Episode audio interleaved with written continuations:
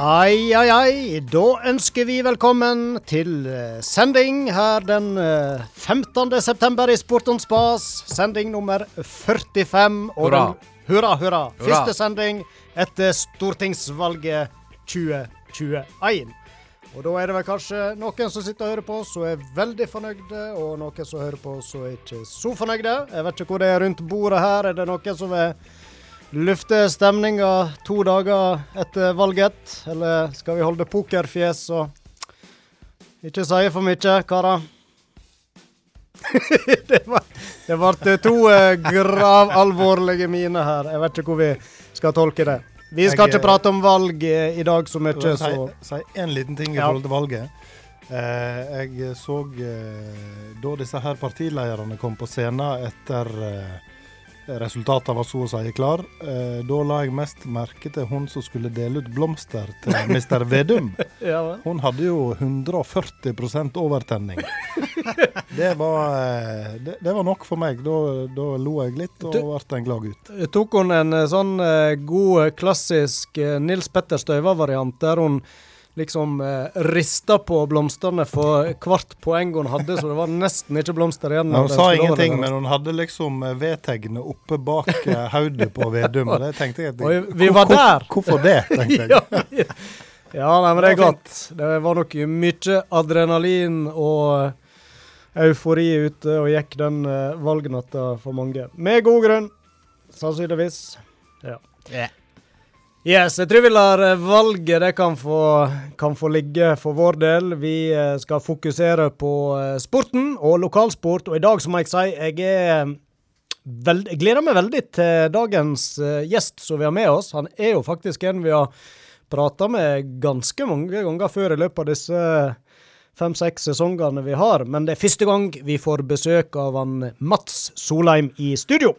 Endelig er han tilbake i eh, Jeg holdt på å si gamle landet, men i hvert fall i gamle kommunen. Ja. Det er han, så der må vi både selvfølgelig eh, prate litt om eh, karrieren han har nettopp lagt bak seg, men så er vi kanskje vel så nysgjerrige på tida framover.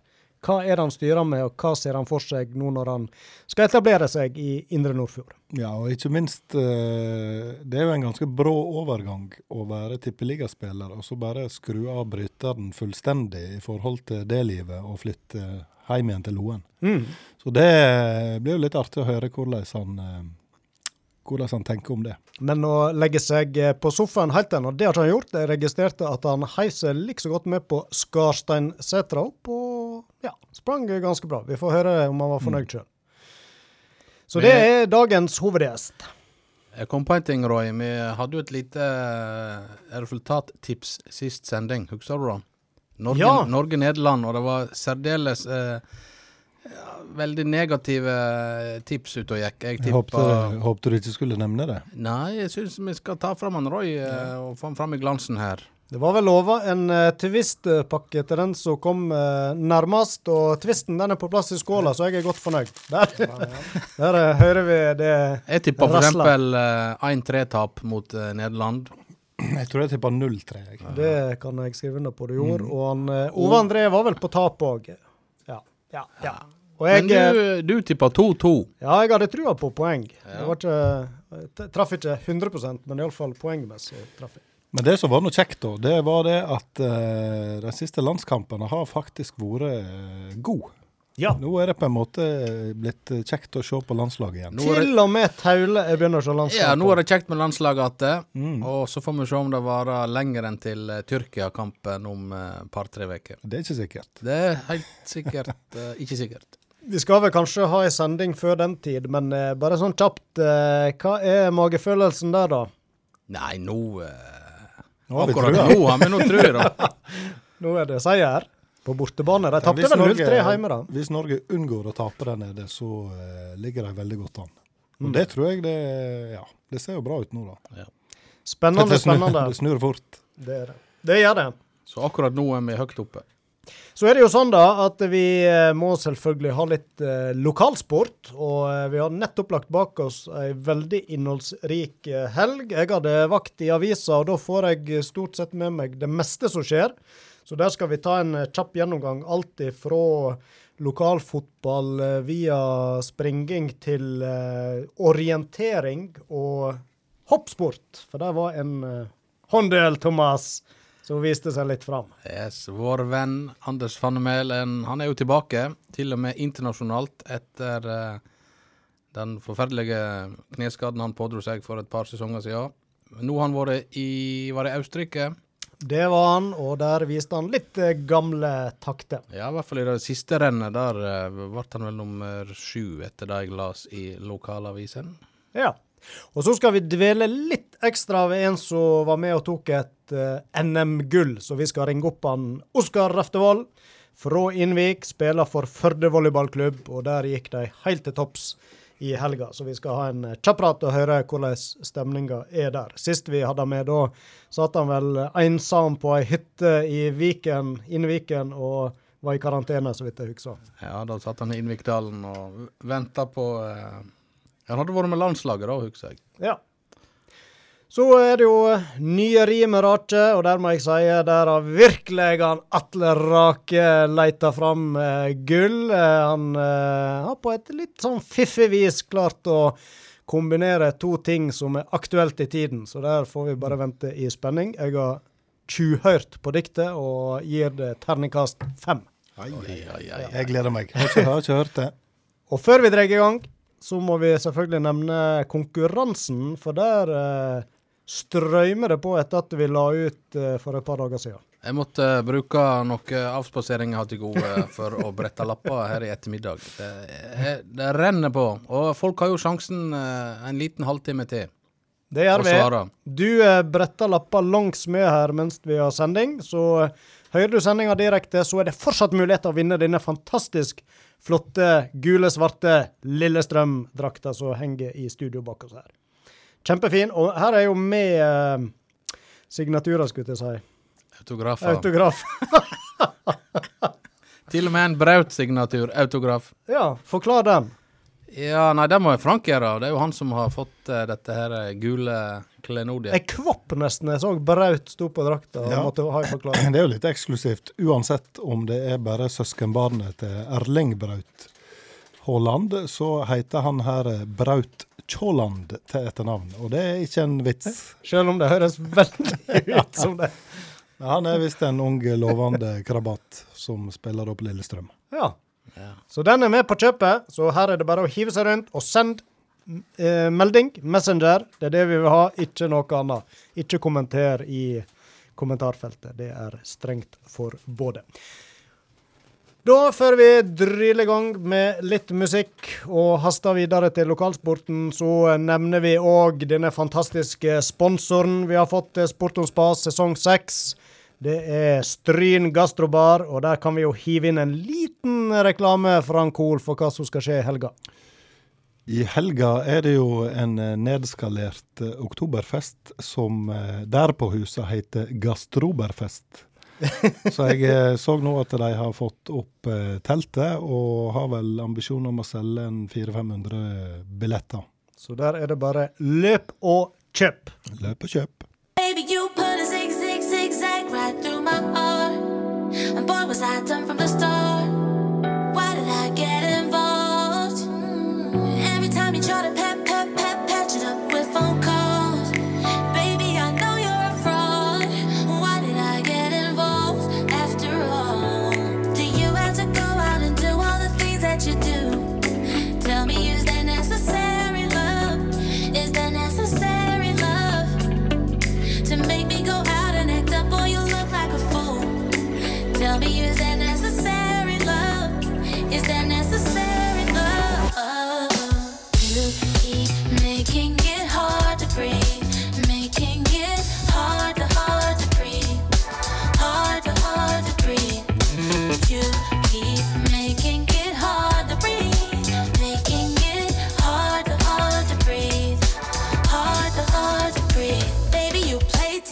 Tic tac,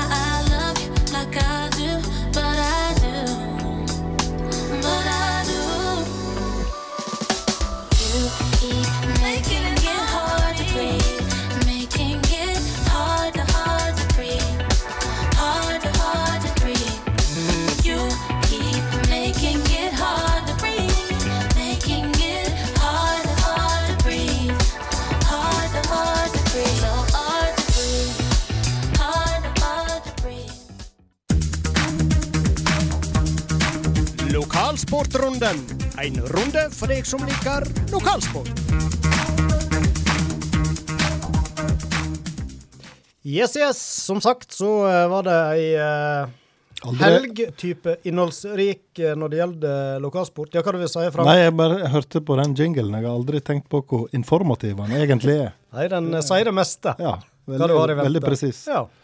Så eh, her er det ingen tvil om eh, hva vi skal i gang med. Jeg eh, tenkte vi begynte litt i friidrettens verden, for der er jo en kar vi stadig har for så vidt referert til. Vi har hatt besøk av òg, Steffen Melheim.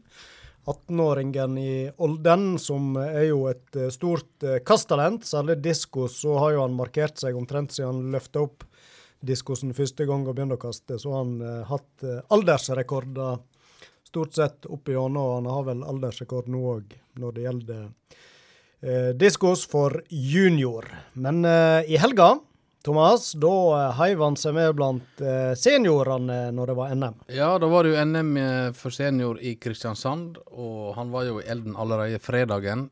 Og han eh, gjorde jo sine saker særdeles godt, og han hadde Hadde han Brons- bronsen han hadde- nedi eh, baklomma? Han hadde bronsen godt nedi baklomma til siste omgang. Ja. Da var det en kar som heiv liten halvmeter lenger enn Steffen. God halvmeter. God halvmeter. 57 centimeter. Men uh, Lago. Han er junior ennå, han Steffen. Og, eh, men han har ambisjoner, det merka jeg når jeg var i kontakt med han litt etter konkurransen. Så eh, hadde jeg kanskje venta en eh, fornøyd kar som tross alt var med og kjempa om medaljene, men han var rett og slett eh, litt misfornøyd, for han hadde ambisjon om medalje. Og det er klart, ut ifra persen hans så skulle han kanskje være med og, og, og kjempe på en god dag, men eh, likevel så syns jeg det Jeg syns det er så godt som en medalje Ja, ja, å få en fjerdeplass. Man må huske på at han eh, vant. Han har vel vunnet de siste sesongene. Ja. Og han karen som tok sølv i slegge i OL, ja. kommer ikke på navnet hans. Nei, det sto litt stilt Eivind et eller annet. men ja. Nå er det Skjerven. Ikke Ja, nesten. Han tok i hvert fall en eh, ny sølv. Så eh, det er klart eh, det skal noe til, men Beklager jeg lær, men nå ser jeg for meg Eivind Skjerven med slegge. Men ja, Nei, det var stav han drev med, husker ikke det? Ja, det var stav. han drev med. Uten madrass. Nei, men uh, Steffen Melheim han viste nok en gang at han er å regne med i landstoppen. Og eh, han er ung, og eh, det blir spennende å følge han videre. Så uh, fikk vi videre, tror jeg, til hopp. Det var vi innom her i starten òg. Vi kan jo bare gjenta det. Fordi det var, det var gledelig å se at han Anders Fannemel, nå når han skulle prøve seg internasjonalt i kontinentalcup, så eh, særlig søndagen, der eh, fikk han til et, eh, et veldig godt hopp. Der ble han som sagt nummer sju, og eh, jeg tror han skal være fornøyd med det. Eh, og nå blir det jo flere konkurranser framover. Det er jo fortsatt på plast, sjølsagt, men eh, Nest lengste hopp i konkurransen og strakk vel seg til 136,5 meter. Beste hoppet var vel 142. Han Så så. eh, i mars, Frank, da skal Sport og Spas eh, sportsredaksjon eh, til eh, skiflygnings-VM i Vikersund. Har du vært på skiflyging før? Nei. Da er det er utrolig moro, og Ove han har lovt å kjøre bubil. Det gleder jeg meg til. Ja. Dette blir saker. Så det er bare å hake av på kalenderen. Yes. Vi, Fannemel må du nesten være med hvis det skal være I bubilen. Eh, Ja, gjerne det. ja. Det kan vi få besøk av hvem som helst, tror jeg. Ja. Skal bli mye god radio av det. Eller dårlig radio. Ja, ja. Radio blir det. Radio blir det. Vi har mer lokalsport, karer, før vi prater oss vekk i bubilens verden. Eh, nevne orientering. Det begynte nå å nærme seg ei uke siden det skjedde. Det var vel torsdag i forrige uke. Isak Bergseth fra fjellet, han sprang inn til tiendeplass i NM langdistanseorientering og viste igjen at eh, han er et utholdstalent av eh, ypperste klasse. Veldig sterkt eh, av han eh, Bergseth der. Og så, når vi er litt på løp, så kan vi òg ta med en annen Oldar. Det var jo Skarsteinsetra opp. Rett nok eh, litt sånn eh, amputert på flere måter. De arrangerte vel i år en eh, ja, kun løpsklassen. Før har jo de hatt sykkel òg. De har jo bare hatt sykkel og eh, trim. Ja. Det var vel ikke trimklasse heller, så eh, Det viste igjen på resultatlista. Det var vel bare ti som eh, sprang eh, i denne konkurranseklassen. Og eh, der var det iallfall en Lars Martin Melheim. Løpstalent, 18-åring fra Olden. Han eh, ja, hatt en litt sånn trøblete sesong. Han uh, mista vel til og med junior-NMR Nei, ungdomsmesterskapen for litt siden. Fordi han hadde tatt eh, koronavaksine og ble slått helt ut av den. Så da var litt kjekt å få et godt løp på heimebane. Persa seg opp til Skarsteinsetra. Og vant vel eh, faktisk med nesten to minutter på Roger Lillestøl. Men jeg har lyst til å gi litt skryt av Roger òg. Roger nærmer seg 50 år, tidligere skiskytter. og han imponerer stadig vekk. Tidligere i sommer da sprang han på skåla på 1 time og 22 minutter. Prøvde den så ved. Jeg har prøvd for å si det sånn å ligge langt bak det. Så han, eh, han imponerer. du verden. Du verden. Ja, så har jeg lyst til å ta med han uh, Ulf Magne Eikås. Han er en uh, trufast sliter som stiller opp på uh, disse lokale løpskarusellene og litt motbakkeløp og sånn. Og han var vel den eneste som har gjennomført alle elleve Skarsteinsetra opp. Så det syns jeg fortjener en litt ekstra oppmerksomhet til han òg. Ulf Magne Eikås jobber vel i Sparebanken Sogn og Så er det vel lov å si at vi hadde tenkt å melde oss på trimklassen i år, men siden den ikke ble noe av, så ja, Ja. ble det ikke det år, år heller. Sånn er det med den saken. Sånn er det med den saken. Men eh, det kommer et år til, og ny Skarsteinsetra opp. Og Ja. får vi se. Yes, skal vi gå litt over eh, på de heimebane, Frank? Fotball. Eh, Lurte på om vi Ja. dveler bitte litt ved det som skjedde inn i Loen på søndag. Først. Ja, nå eh, er det jo ikke noen nyhet at eh, Stryn slo Bremanger der ute og tilbake på vinnersporet, som det sto i fjordingen. Men kanskje det mest interessante var jo det at Stryn har inngått et samarbeid med Oppstryn og Loen Vikane om et lag i femtedivisjon. Og det er jo fordi at eh, Ja, for det første har jo Stryn sjøl problemer med å stille eh, nok spillere til sitt Stryn 2-lag. Eh, og så vet vi jo det at Oppstryn og Loen har trukket sine lag før denne sesongen her. Eh, og nå er det et eh, samarbeid som er oppe og går, der disse her spillerne fra klubbene rundt her da får melde seg inn i Stryn og spille kamper for Stryn 2. Med han Geir Inge Rake som eh, trener. Veldig bra. Jeg eh, tok turen inn, fikk med meg andre omgang inn i Loen. Jeg måtte først få med meg første omgang av damekamp. Det var mye som skjedde samtidig en stund. Men eh, veldig gledelig å se laget i sving. Resultatmessig så var det ikke sånn veldig mye å applaudere av, og det var Geir Inge klar på òg. De har vel hatt eh, to treninger i lag. og her er hovedfokuset i første omgang å ha det kjekt å få fotballen til å rulle igjen. Det hvert ble vel 0-5, tror jeg, mot men eh, Førde. det er litt sånn uh, underordna, tenker jeg, i den sammenhengen der. Jeg syns det var ei kjempepositiv nyhet at dette samarbeidet eh, kom i stand. Sånn at eh, de som da ikke har hatt et tilbud, de får faktisk en arena å spille fotball på i høst. da. Det er det. Han nevnte det var flere spillere som egentlig datt litt av lasset for to-tre år siden, når de ikke var gode nok til å bli tatt opp på A-laget. Og nå har de muligheten igjen til å komme i gang med litt eh, trening og få spille litt kamper. Så det er jo beste eksempel på hvordan det skal være. Så får vi høre med Mats Bra. etter hvert når han eh, kommer i studio, om dette kan eh, friste han òg. Nå er jo kort vei til banen etter hvert. Jeg vet Så han Mats har hørt, hørt så mye på Sport om spas at eh, Og her har jo Stryn 2 blitt framsnakka i flere sesonger, så det er klart det kribler. Det, Det- kan det- ikke det være noe tvil om. Det er klart Hvis han Mats får valget mellom Stryn 2 og eh, oss, da tror jeg eh, valget hadde vært ganske enkelt. Ja, vi får eh, spørre etter hvert. Helt til slutt, lokal, Spennende. Ja. Helt til slutt i lokalsporten så må vi òg eh, nevne damene. Hadde heimekamp. De fikk det litt tøft etter hvert. De møtte jo eh, serielederen eh, Førde. Gjorde en veldig god eh, førsteomgang, og det ble målrikt. 3-3 til pause. og vil nå påstå de hang eh, godt med i svingene da, men så forsto jeg eh, de fikk det litt tyngre utover i kampen, og så uh, lykkes Førde med å få inn uh, to skåringer i den andre omgangen. Så det ble eh, 3-5 til slutt. Men en eh, hederlig innsats, eh, må vi kunne si likevel. Så de ligger vi sånn omtrent midt på tabellen. Tredjeplass er det kanskje. Yes, da tror jeg vi har vært gjennom det meste som skjedde denne helga. Så da eh, spanderer vi på litt eh, poesi før vi skal ringe kjapt opp han Oskar Aftevold, som tok et eh, NM-gull. Rim med rake.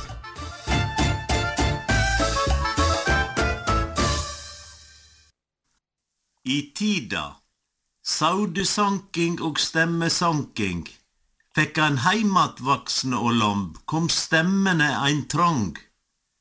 Bjøllesauden losa dei til gards med glans, for Erna vart det ein anna dans. Fårikålen blir nok god og møre, det er klart for Jonas Gahr Støre. Så får vi sjå om kabalen går opp, og sere slakt og dei som får leve, er sannelig ikkje fort gjort.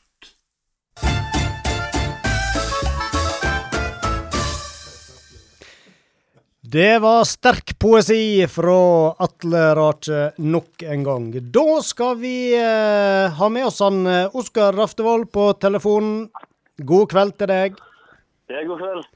Da må vi aller først gratulere med nok et eh, NM-gull, og det kom vel eh, litt overraskende sjøl på deg? Ja, takk for det. Ja, eh, ja, det var ikke helt venta det her, faktisk. Er det lov å si du var smått eh, pessimistisk eh, i lokalavisa før kampen? Ja, ja jeg, jeg var kanskje litt pessimistisk. Men jeg hadde jo, jeg hadde jo trua på at vi skulle stille opp med litt fight. Men jeg hadde ikke venta at vi skulle komme seirende ut i år. Dette var vel tredje året på rad de vant eh, NM, Ja, det stemmer det. og dette her smakte kanskje best av alle. Ja, absolutt. Dette var faktisk eh, Det ble ganske emosjonelt. Fortell litt om eh, veien fram til finalen, Oskar. Det har den har vært lang og mye venting. Ja, vi har jo eh, Vi skulle egentlig spille finalen i februar, og så ble dette her utsatt. Og så visste vi egentlig aldri helt hvor tiden skulle bli. For I første omgang så utsatte den til mars. Og så måtte vi egentlig bare være klar på at finalen kunne komme hva tid som helst hele tida, til de fant ut at de skulle flytte den helt til september etter sommerferien. Og det er, jo, det er jo ganske spesielt at de putter den midt i preseason, men det er jo, som de òg har sagt, så er jo det vanlig ute i Europa at de har en supercup der eh, vinneren av serien og vinneren av cupen starter året med en cupkamp. Det er en supercupfinale. Og det var vel litt det som var spenningsmomentet, skjønte jeg. Store utskiftninger i lag eh, før ny sesong, og kanskje litt begrensa hvor mye en har spilt i lag. Ja, det ble jo det. Altså, av, av de som var med å spille oss til finalen, så har vi bare to eller tre spillere igjen eh, i stallen omtrent. I hvert fall på første sekseren så var det bare to spillere som spilte semifinaler. Men eh, hva tror du som gjorde at dere faktisk eh, klarte å vinne likevel? Nei, det har jo mye med det at eh, nesten alle på laget vårt nå er under 20 år. og ja, de, de aller fleste spiller sin første cupfinale og dro med seg et eh, energinivå. De var jo mye mer gira enn noen andre i hele salen. De, de fikk jo Dommer måtte jo blåse på dem og sende dem tilbake, for de var jo nesten på vei inn på banen i siste setter her. Hele gjengen og de sto bak i hjørnet. Så nei, da, eh, Energinivået det at en eh, greier å slippe seg løs og være litt galne, gjorde at vi vant det her. Mm. Og du var trygg sjåfør hjemme til Førde. Nei, Jeg slapp faktisk å være sjåfør denne helga her, så jeg fikk lov å feire litt. For de som ikke vet det, så har jo han eh, Oskar minibussertifikat, og han er fast sjåfør for eh, volleyballkarene i, i Førde. Yes. Ja, det stemmer. det. Jeg skal kjøre oss opp til Volda til helga. Vi skal spille en treningsturnering. Men eh, det var vel eh, fortjent for deg å få feire litt ekstra. Jeg eh, forsto på deg du eh, spilte en av dine bedre kamper. Ja, nei, jeg, eh, jeg har aldri tatt så mange poeng i en kamp i Norge før. I, ikke i nærheten engang. Jeg hadde jo avslutta kampen med 31 poeng, og vi, vi har en til på laget som avslutta med vel eh, 6 eller 27, så vi tok jo et sett hver omtrent. Så det, det var helt rått. Hvordan er det nå da, i dagene etterpå, begynner å mobilisere til sesongstarten? Gir det en boost, eller er det litt sånn antiklimaks i gruppa? Nei, altså For min del så gir det i hvert fall eh, definitivt en boost. Vi, eh, vi har jo nå fått allerede vise fram hva vi er gode, på, gode for på vårt aller beste. Så, så gjelder det bare å greie å bli såpass stabile at vi greier å levere sånn eh, hele året. Flott, Oskar. Da eh, må vi nå vi bare fra Sport og Spas si eh, lykke til med siste oppkjøringa både til deg og Førde volleyballklubb. Og så satser vi på at vi kan ta nye prater framover. Ja, takk skal du ha. Håper det blir flere. igjen. Ha det godt. God kveld til deg. God kveld. Sport og spås. Like underholdende som god sklitakling.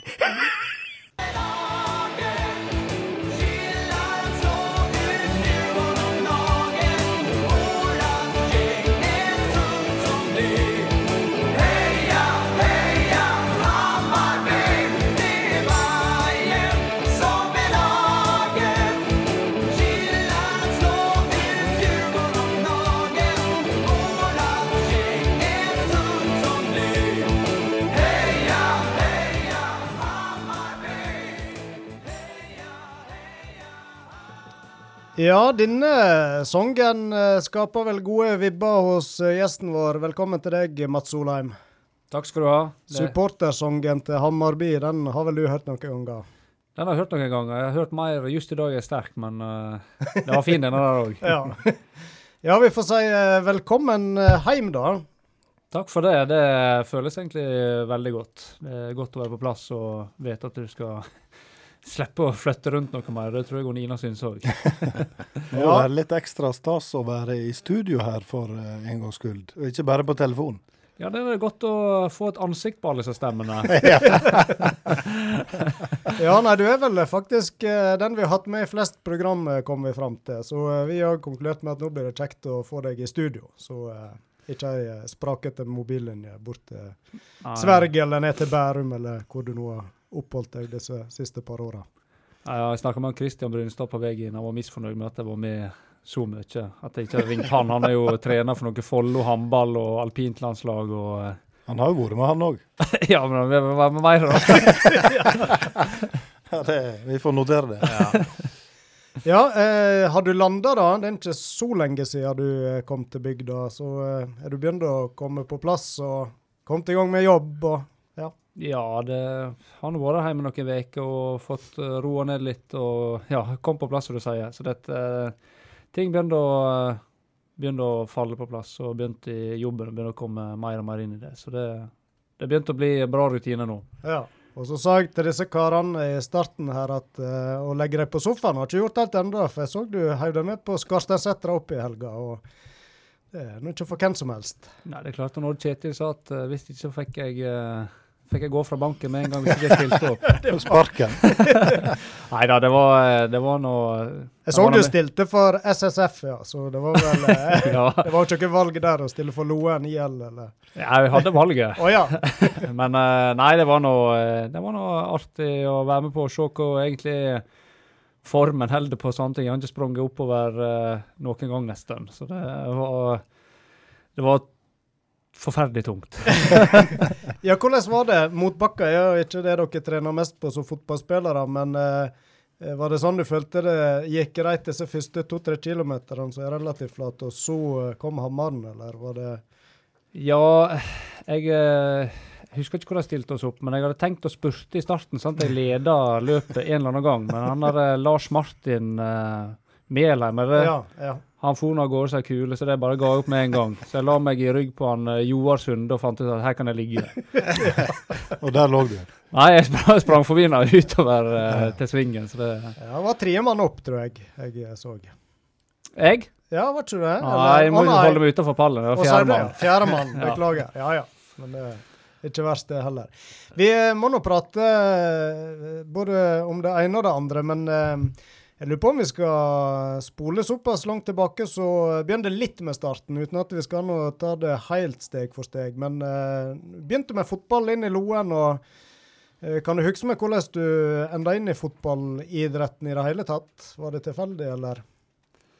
Uff, ja, nei, det husker jeg ikke sånn helt uh, sikkert. Eller Det var var det far- fem- fem-seks år, og så var vi borte på banen, og så uh, var jeg vel med på noen uh, treninger. Jeg mener å huske at jeg tok opp ballen med hendene stort sett. Så det, Og mye fotball på skolen, vet du. Det må du huske på. ja, det var det. Det var Ja, veldig mye fotball. læreren din sitter jo her, han Thomas vel. Han har vel Ja, hatt kustus på deg. ja de sendte oss ut på grusbanen uh, uten nikkers eller noe som helst. Så du, vi var i fulle skrubbsår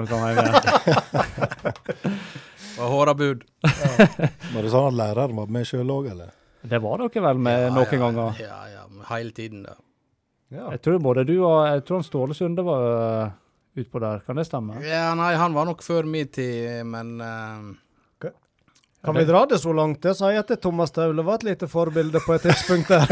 Det kan vi absolutt. Jeg husker han sprang etter meg inn i gymsalen en gang. ja, ja. Hva du hadde gjort der, da? Nei, ikke noe spesielt, tror jeg.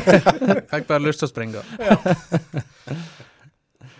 Så litt uh, tilfeldig, sånn som det ofte er. Og så Ja, nei, det er vel, eh, det er vel sånn som det er med alle, at det er eh, noen foreldre som introduserer for å være med på noe trening, så får en se hvor, eh, hvor det går. ikke? Og jeg synes vel eh, det var veldig kjekt. da. Så husker jo jeg alle disse turneringene som vi for rundt på og fikk eh, medaljer og uh, styrte på når vi var små. Så dette Jeg syns det var morsomt å spille og konkurrere. Ja. Og så, uh, Hvor gammel var du når du bevegde deg inn til Stryn, da? Uh, ja, ja, det var vel etter at jeg ble skuffa for at jeg spilte spiss inn i Loen uh, når jeg var 14-15, men så uh, kom Frank plutselig inn til Loen og skulle spille spiss. Da måtte jeg spille back, så vet du, da fant jeg ut at det var på tide å skifte beite. Du vet, eh, jeg har jo holdt på med fotball på lavt nivå, nivå i mange år, og dette var jo et av høydepunktene mine. Ja, Mats Solheim måtte vekk fra spissplassen fordi jeg kom til Loen. Men uh, i, i forbindelse med det, da, så er det, ble, fikk du en karriere som back. Ja, så jeg kan- har jo alt å ta jeg, Det, er dere, er dere som sitter her, jeg har alt å takke for hele Det er jo det vi er fram til. Neida, da, nei, vi spilte vel i lag et halvt år i Loen før jeg eh, Jeg tror han eh, Jon Terje, så Så jeg snakka med da og eh, spurte om det kunne være interessant å komme inn til Stryn og, og spille. Og så ja, tenkte jeg at jeg skulle begynne på videregående liksom spilt fjerde femte og fjerde divisjon inn i Loen og ta steget videre. Det var nå på en måte det jeg ville. Jeg hadde nå et mål på en måte, å se hvor langt jeg kunne komme i fotball. Og det husker jeg vi skrev på noe sånn eh, Jeg husker vi gjorde noe sånn visjon eller målsetting og sånn inn på videregående første år. Da husker jeg jeg skrev at målet mitt var å spille for Sogndal. Eh, og Jon Terje og Johan som hadde disse der. eh, Og da Ja, jeg veit ikke om det hadde noe effekt på akkurat det som skjedde, men eh, det var nå et mål som på en måte nådde da seinere, Men hadde det litt i bakhodet? Kan du liksom ha henta det fram igjen av og til? At det, det var noe du jobba mot, eller? Ja, det er jo klart at eh, jeg det husker det jo veldig tydelig at vi gjorde det, sant. Så dette, og det sitter jo helt eh, klart nå. Eh, så eh, det var på en måte første målet. Og jeg husker at eh, da hadde jeg en diskusjon med trener i Sogndal, det var Karl Oskar Embeland. Han tvinga oss opp på middag.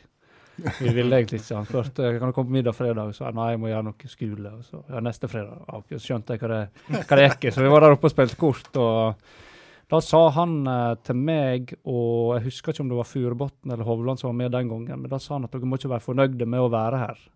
For det er fort at du kan bli at du er fornøyd, du har kommet på et visst nivå, og, og ja, det er kjekt og det er fint og sånn. Så han sa alltid at dere må jobbe for å kunne komme enda lenger videre. Og jeg husker at, jeg husker at når han sa det til deg, så påvirker det meg litt faktisk til å Skrev en ny lapp?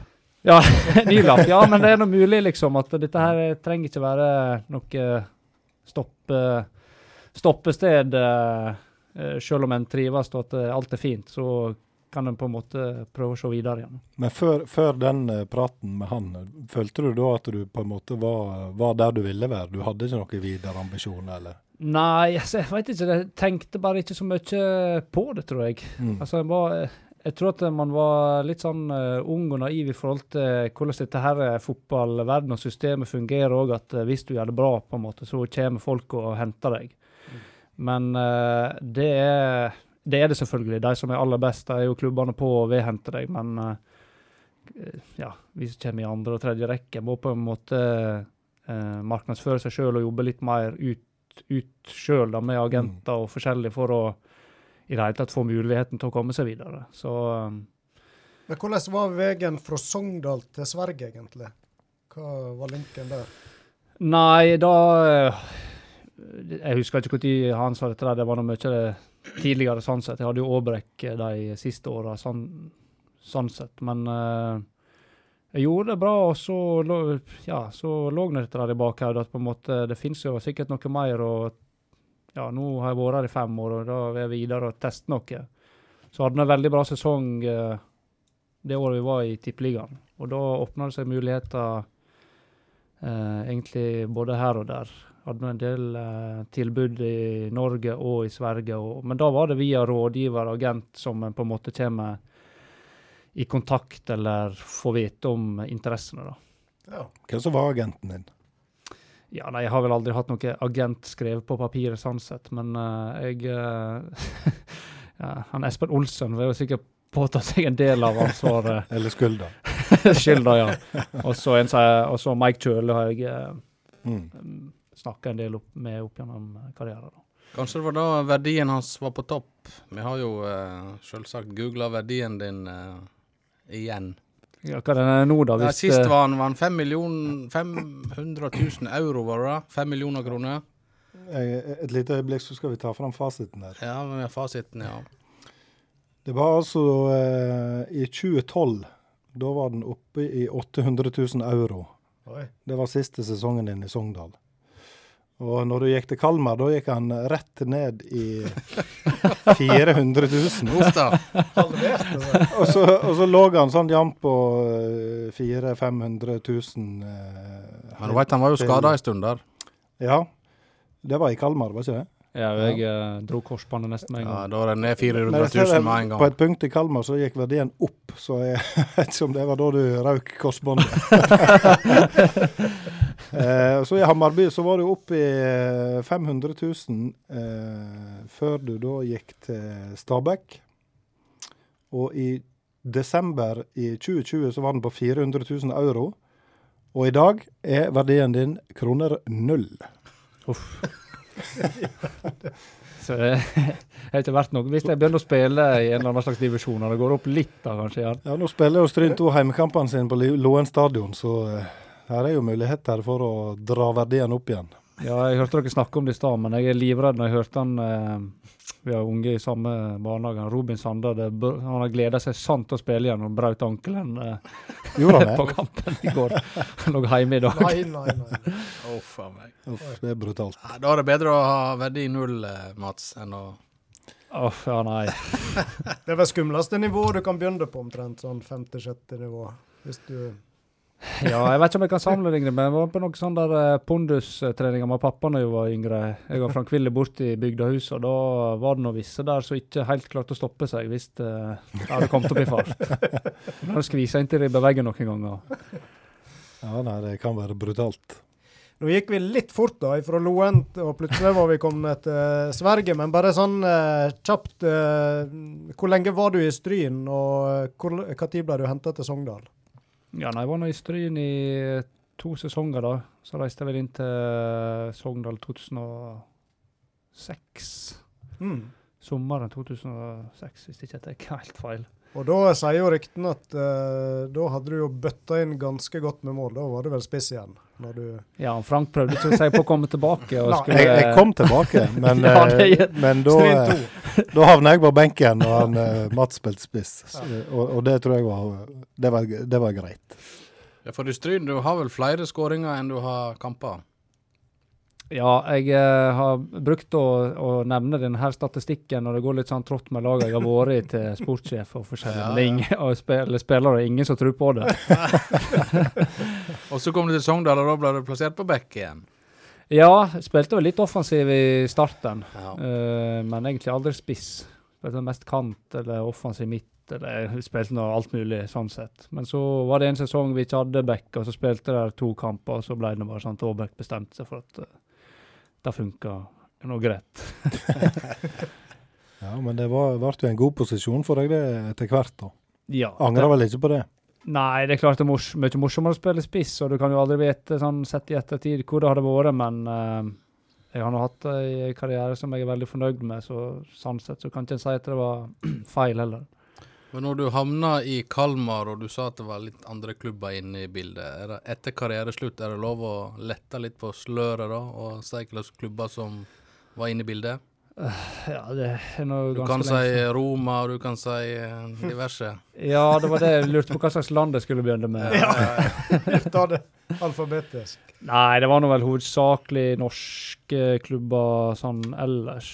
Jeg eh, tror på den tid så var det var det Lyn, Molde, Fredrikstad, Lillestrøm, Hødd og interesse fra Rosenborg.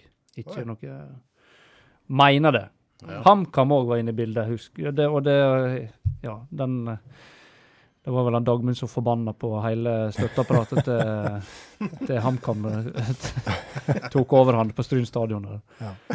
Så det ble ikke noe av. Nei, Men, jeg tenk hvis jeg hadde hatt han Ståle, kanskje. Ja, kanskje, kanskje. men, men hva som gjorde at du reiste til Kalmar, da? Hva var utslagsgivende, sånn som du husker det?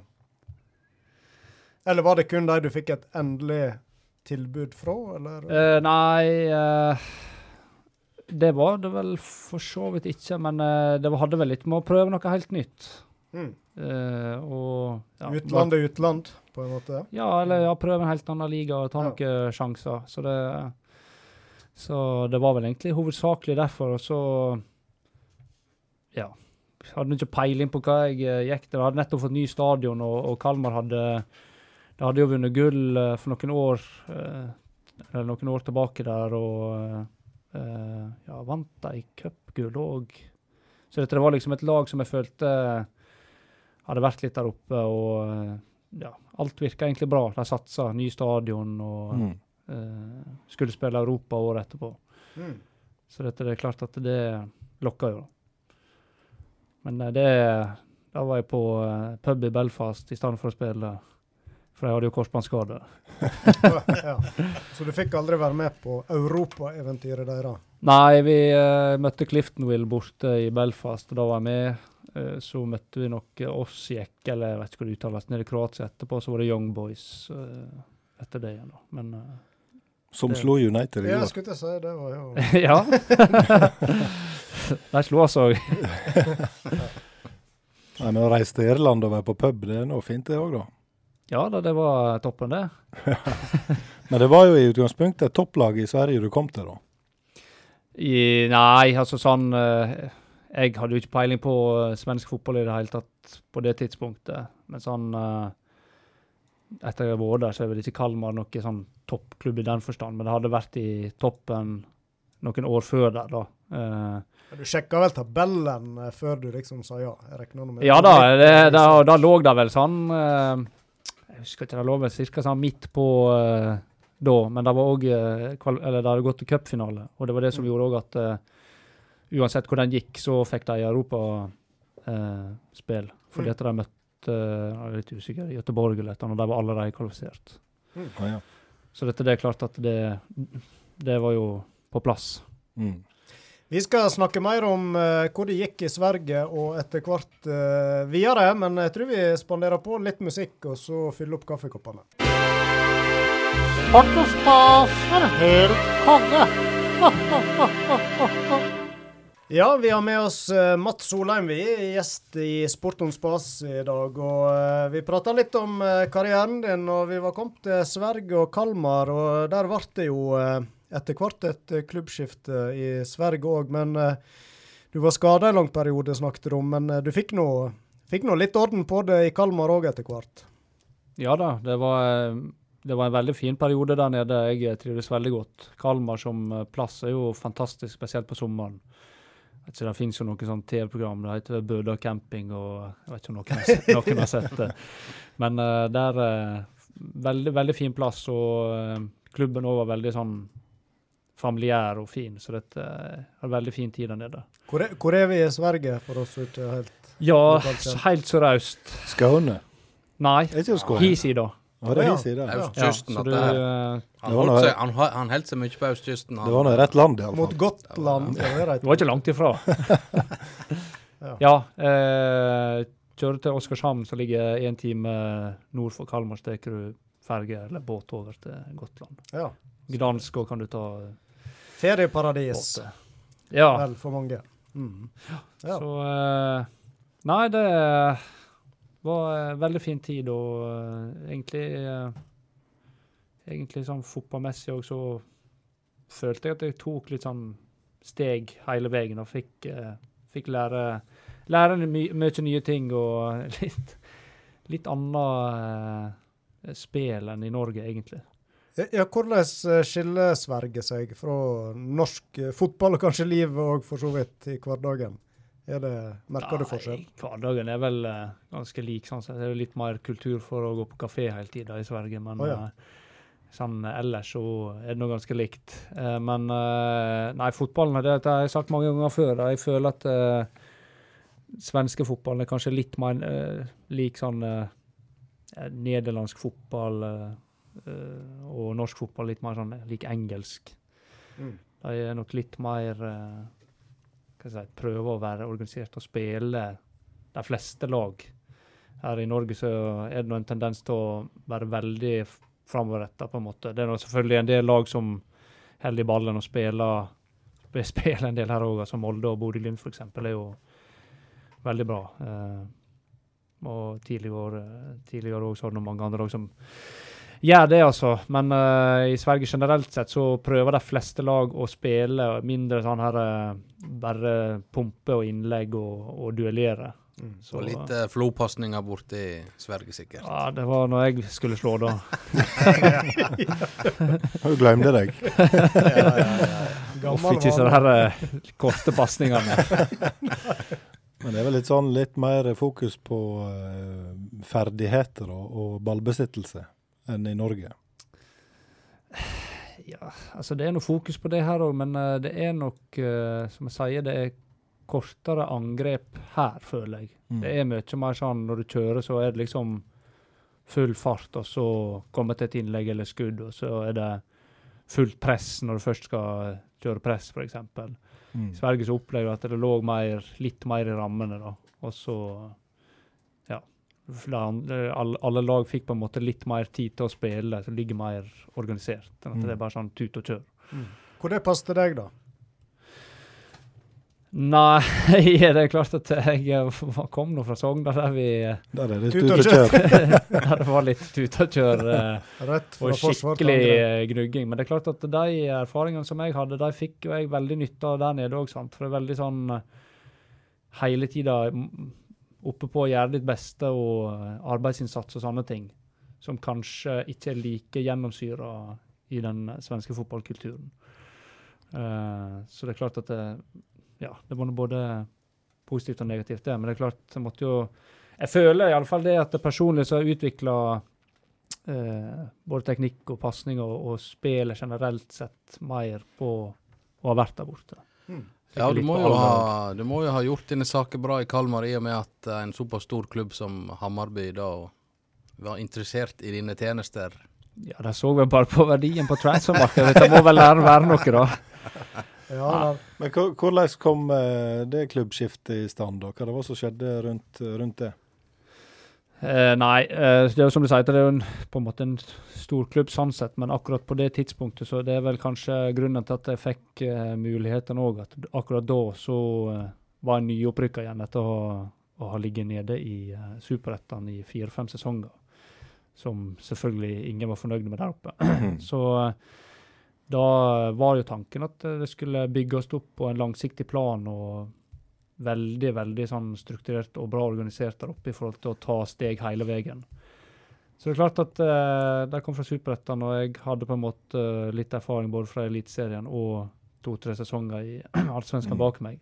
Så klart at de så nå ut et, eh, eller så på forsterkninger og bygge det videre. Så det Og så hadde jo jeg hatt treneren i Ja. Kalmar òg. Akkurat, ja. Så han visste Han visste hva han eh, fikk, Ja. Og jeg visste hva jeg fikk. Ja, ja, ja, det rart jeg gikk dit. Jo da, men eh, nå, i første sesongen du var i Hammarby, så var det vel sånn niende-tiende plass. Og så uh, gikk det stadig bedre. Og du avslutta jo Ja. på best mulig vis, omtrent. Ja da.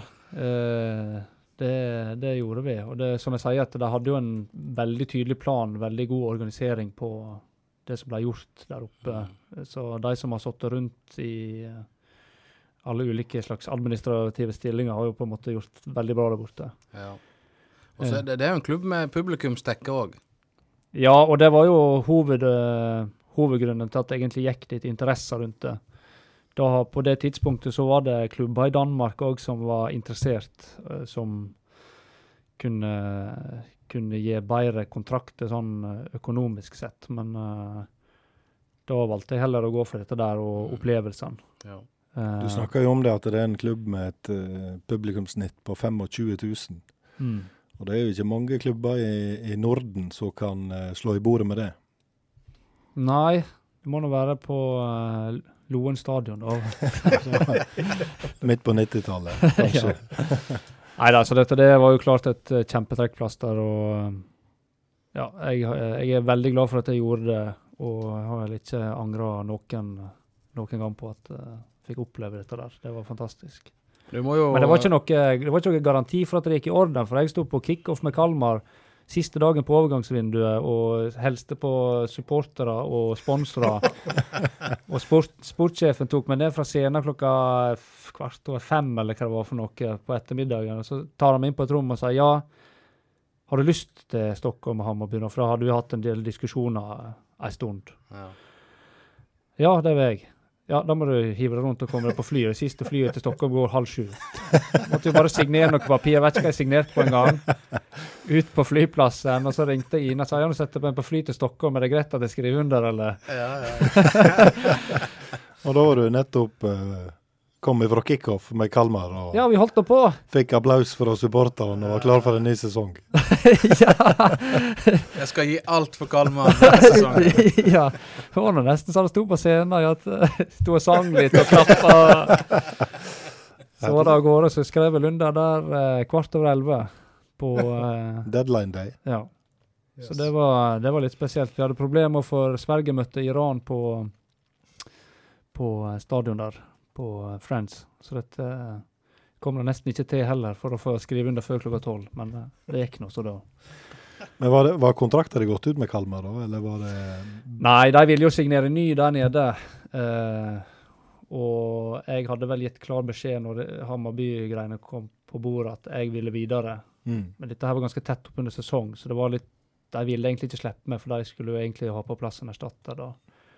Og så ville jo Når det først ble aktuelt, så ville jo Dette er sagt at uh, Kalmar ville ta seg betalt for Ferrari, og Hammarby ville betale for eh, en sykkel, så dette var liksom vanskelig å få det, få det på plass. Ja, så de måtte eh, ut med en overgangssum, da. Ja, det ble en slags kompensasjon, men eh, det var vel ikke Elektrisk sykkel. Ja, vi var vel oppe i noe eh, ATV pluss en Vespa. Så, Men eh, eh, Hammarby det, det er jo Stockholm, er ikke det? da? Eller er det utenfor Stockholm? ja, du får spørre Frank om Ja, han, hva slags side han har tenkt seg på. Ja, vi, eh, kan, vi kan høre med vår geografiguru Frank Hoel. Jeg har faktisk vært på den der supporterpuben til eh, Hammarby i Stockholm. Det er ikke det som er spørsmålet. Det var i Stockholm sentrum. Okay. ok. Så det jeg velger å si at det er en sentrumsklubb. Sentrum. det er helt rett. Hva, hva, hva kyst er du på da? Øst eller vest? Ja, Da er vi på øst. Ja. Vest, vestkysten til Sverige, den er jo Ja ja, den er vel der. Men, lite- Den er jo nede med, ned med Strømstad, er ikke det da? Ja. Du nevnte så vidt, du ringte til hun uh, Ina Marie på vei eh, til flyplassen, var det det? Når du skulle Ja, signere om det var greit? Ja, det, det, vi måtte ta raske beslutninger. Så vi hadde nå diskutert det i, på forhånd, da, så dette, det var ikke sånn Men vi var vel begge overraska over at uh, muligheten fortsatt var der, for dette, uh, det var vel egentlig lagt dødt, hele greia. Mm. Så jeg vet ikke hva det var som uh, Han hadde vel eh, funnet ut at jeg ikke var noe å ha der nede lenger. Men å flytte til Stockholm, det var kanskje greit for samboeren òg? Ja, det er klart at det gjør iallfall litt Eller det, gjorde det litt enklere å få besøk og, og eventuelt kunne reise hjem, spesielt for Ina sin del. Jeg har ikke så mange muligheter i løpet av en sesong på en måte å reise Mm. noen plass, men uh, Er det sånn at uh, har de hatt my hadde de mye besøk uh, med, med du spilte i, i Sverige? Ja, det var ganske masse. Det var til og med, altså, jeg var imponert over egentlig at eh, vi fikk såpass mange på besøk i Kalmar òg, så det er mye vanskeligere plass Ja. å Er det slik at du måtte huse folk, eller måtte de, fikk de beskjed om at de, de måtte bo på hotell? Nei da, de fleste, alle som eh, ville overnatte i eh, leiligheten vår, de fikk det. Så en gang så hadde jeg besøk av eh, Jeg vet ikke hvor mange som var inne i den leiligheten. 9-10. 60 kvadrat. Komp kompisgjeng. Ja. Ja. Og du veit at jeg skulle spille kamp dagen etterpå, men det Det dreit de i. Aldri spilt bedre, han Matstad. Det er, det er noe med det å trives òg, da. Ha en god gjeng rundt seg. Ja, ja, nei, det Jeg er egentlig veldig takknemlig for alle som har tatt seg bryet og kommet bort og se. Det er litt eh, kjekt at folk syns det er interessant òg. Så eh, Jeg kjenner nå at jeg angrer på at jeg ikke reiste over og så deg eh, spille for Hammarby. Det hadde vært en opplevelse. Men det er vel for seint. ja. jeg fikk faktisk tilbudet å komme tilbake nå når jeg slutta. Gjorde du det? Ja. Oi. Men eh, da var det snakk om det har um, det har Materialforvalter. Nei, nei, tanken var at jeg skulle være med A-laget, men da skulle jeg spille for det som het uh, Hamarby Elite Fotballforening, eller et eller annet sånt nå, da. Det er det som for ett eller to år siden var Frei. De var i Superettan og ligger nå i andredivisjon. Ja. Så uh, Hva var tanken eh, bak det, da? Nei, jeg, jeg veit ikke. Jeg, altså, de har vel eh, Og det, det er klart at eh, når jeg reiste derfra òg, så ville jo klubben eh, signere Jeg kunne nå i prinsipp si hvor lang kontrakt jeg ville ha. For jeg hadde opsjon på ett år til med Hammarby, og, så jeg, og den måtte jeg si opp i september hvis jeg ikke skulle For det var begge Ja. sin side. da. Så når jeg sendte den mailen til um, sportssjefen, så ringte han meg med en gang og spurte hva i helsike jeg skulle. Hva er det du skal for noe nå? Så det vil ikke han ha noe av? Nei, det vil ikke han. Så var han sikkert overraska at eh, hva, er det, hva er det slags tilbud den der fyren har? Hva har han fått tilbud hen? på en måte. Men da, um, da var det jo veldig på at uh, de ville ha meg videre i ja, i prinsipp kunne velge hvor lenge jeg ville være der. Men det var nok mest sik sikkert fordi at jeg kunne dekke alle posisjonene i forsvar, men òg Mm. pga. den posisjonen jeg fikk eh, rundt klubben, inn mot supportere og sånne ting, da sikkert. Det er klart du har, Vi må jo si Mats, at du hadde en god standing eh, blant eh, supportere i Hammarby. og det, At du reiste, det vil jeg tro var et veldig var tungt for deg. Det var nok tungt for deg. Så hører jeg jo at Mats snakker litt ned eh, sitt eget nivå òg, og det syns jeg at det, det må vi han- har jo tross alt spilt fast i Eliteserien og i Allsvenskan i alvorlig mange år nå. Så at eh, nivået på eh, Ungeher Solheim har vært bra, det er jo ikke noe tvil om. Men eh, landskamp fikk du aldri, Mats. Nei, det ble ikke det, men eh, nå har jeg òg i ettertid, eller nå uh, seinere, fått vite at jeg har vært i bruttotropp, Du har uten det. at jeg har blitt eh, Men kontakta. ikke nødlandslag engang. Nei! så, så, I så i nød var ikke det. Men eh, jeg kan si sosiale medier har jo enorm kraft i mange sammenhenger. Og du prøvde jo eh, via Instagram da, å snakke deg sjøl inn på eh, landslaget, spesielt under Lagerbäck. Ja, Men du hørte ikke noe ifra han, altså? Nei, og det skal jo være et reelt nummer, egentlig. For jeg fikk jo det med disse her islendingene på laget mitt som hadde han uh, tidligere på eh, landslaget der. Så du sender meldinger til han, altså? Ja, ja, det må ikke du være redd for. Jeg sendte, når jeg etter en stund jeg ikke fikk svar, så uh, uh, var vi ute på Justisen jeg, rett før jeg begynte i Stabæk med noen kompiser fra Stryn. Mm. Og da var det sånn der Kunne ta bilde på en eller annen slags skjerm der og sende til nummer. Så da tok vi et òg og sendte til navn. For da hadde jeg gitt opp. Nå må vi prøve alt mulig. Siste sjanse. Men du fikk jo en eh, fantastisk avskjed, og det var ikke bare du som fikk uh, håret reiste seg litt i nakken når vi, når vi så det klippet. Det var sikkert stort når du fikk eh, Du fikk vel stående applaus fra fansen. Trampeklapp, iallfall. Ja, nei, altså sånn personlig, det han har sagt at eh, for egen del så kunne jeg ikke hatt noe bedre avslutning annet enn at uh, det målet på en måte hadde vært for gullet, med tanke på at vi var så nære den siste runden der òg. Og hvis det hadde vært for gullet, så hadde jeg iallfall lagt opp med én gang. Men kan- kan ikke du snakke oss litt igjennom den siste kampen din? Hva var utgangspunktet, og, og, og hva skjedde? Nei, eh, utgangspunktet var vel at eh, Hvordan var dette her, da? Det var vel tre lag som kunne vinne. Ja, det var Djurgården, vi og Malmö. Ja. Eh, vi og Malmö ligger på samme poeng, og Djurgården ligger vel da tre poeng foran oss. Men eh, hvis de da taper, så eh, går vi forbi uansett på målforskjell, både vi og Malmö. Og vi ligger da i favør ett eller to plussmål Malmö. Eh, så til pause så leder vel vi Ja, var det 1-0 eller 2-1, eller jeg, nå husker jeg ikke helt, men uh, Djurgården lå iallfall under eh, 2-0, og Malmö leda med ett eller annet òg, så det var helt sånn uh, Så dere var serieleder til pause, da? Ja, hvis ikke Malmö var foran med ett mål. Jeg er litt, u eh, litt usikker, faktisk. Men close race, det var det iallfall. Det var det. Og eh, det er klart at eh, Og så skårte vi Vi vant jo 4-1 til slutt, da. Men eh, vi fikk jo oppdatering fra Hine-kampene at Malmö vant vel eh, 5-0 mot Ørebro, og Djurgården henta jo inn igjen et 2-2-resultat der i Nordkjøping som egentlig ikke skulle være mulig, sånn sett. Mm. Så Djurgården vant med ett poeng, da. Og det var, noe det var nesten bedre det enn at Malmö skulle slått oss med ett mål. Ja. Så dere ble nummer tre da, til slutt? Ja. Selv om dere vant 4-0? Ja, det er samme, samme skjedde året før med Malmö òg. De lå bak, og- eller, lå bak hele sesongen, og så slo de oss med ett plussmål òg. Men da var det jo eh, Solheim som skåra Det var vel det siste målet, var ikke det? 4-0-målet? Det var siste målet, ja. Ja. Det òg Nei, det var, det var helt rått, altså. Da var jo egentlig Vi, vi var jo klar over resultatet, og sånn, så da ga jeg bare Mm. blaffen. Jeg spilte jo back. Mm. Da sprang jeg bare opp uansett. så blir det jo slått ei sinnssyk pasning. Men da veit jo hele stadion at dette er siste kampen din òg. eh, Det så iallfall sånn ut på scenen etter, etter kampen.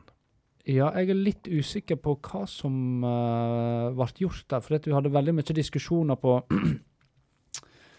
han, altså Sportssjefen de ville jo på en måte gi meg en verdig avslutning og sånne ting. Men samtidig så sa jeg at jeg vet ikke at det skal være noe fokus med tanke på eh, alvoret i, rest, i resten.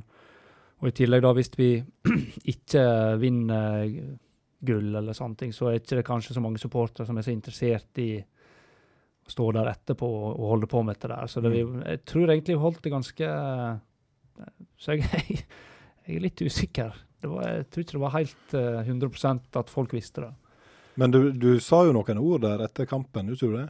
Så det ble jo en avskjed. Uh... Ja da, og da skjønte jo folk uh, hva Ja. det gikk i òg, på en måte. Ja. Eh, så eh, På klingende svensk. Ja, det var vel uh, god blanding. Jeg vet ikke om det henger igjen noe her. Jeg prøver å snakke nordfjording fullt ut. Nei, det går fint. Det er vel uh, andre spillere fra området som sliter mer med dialekten enn du er. Ja.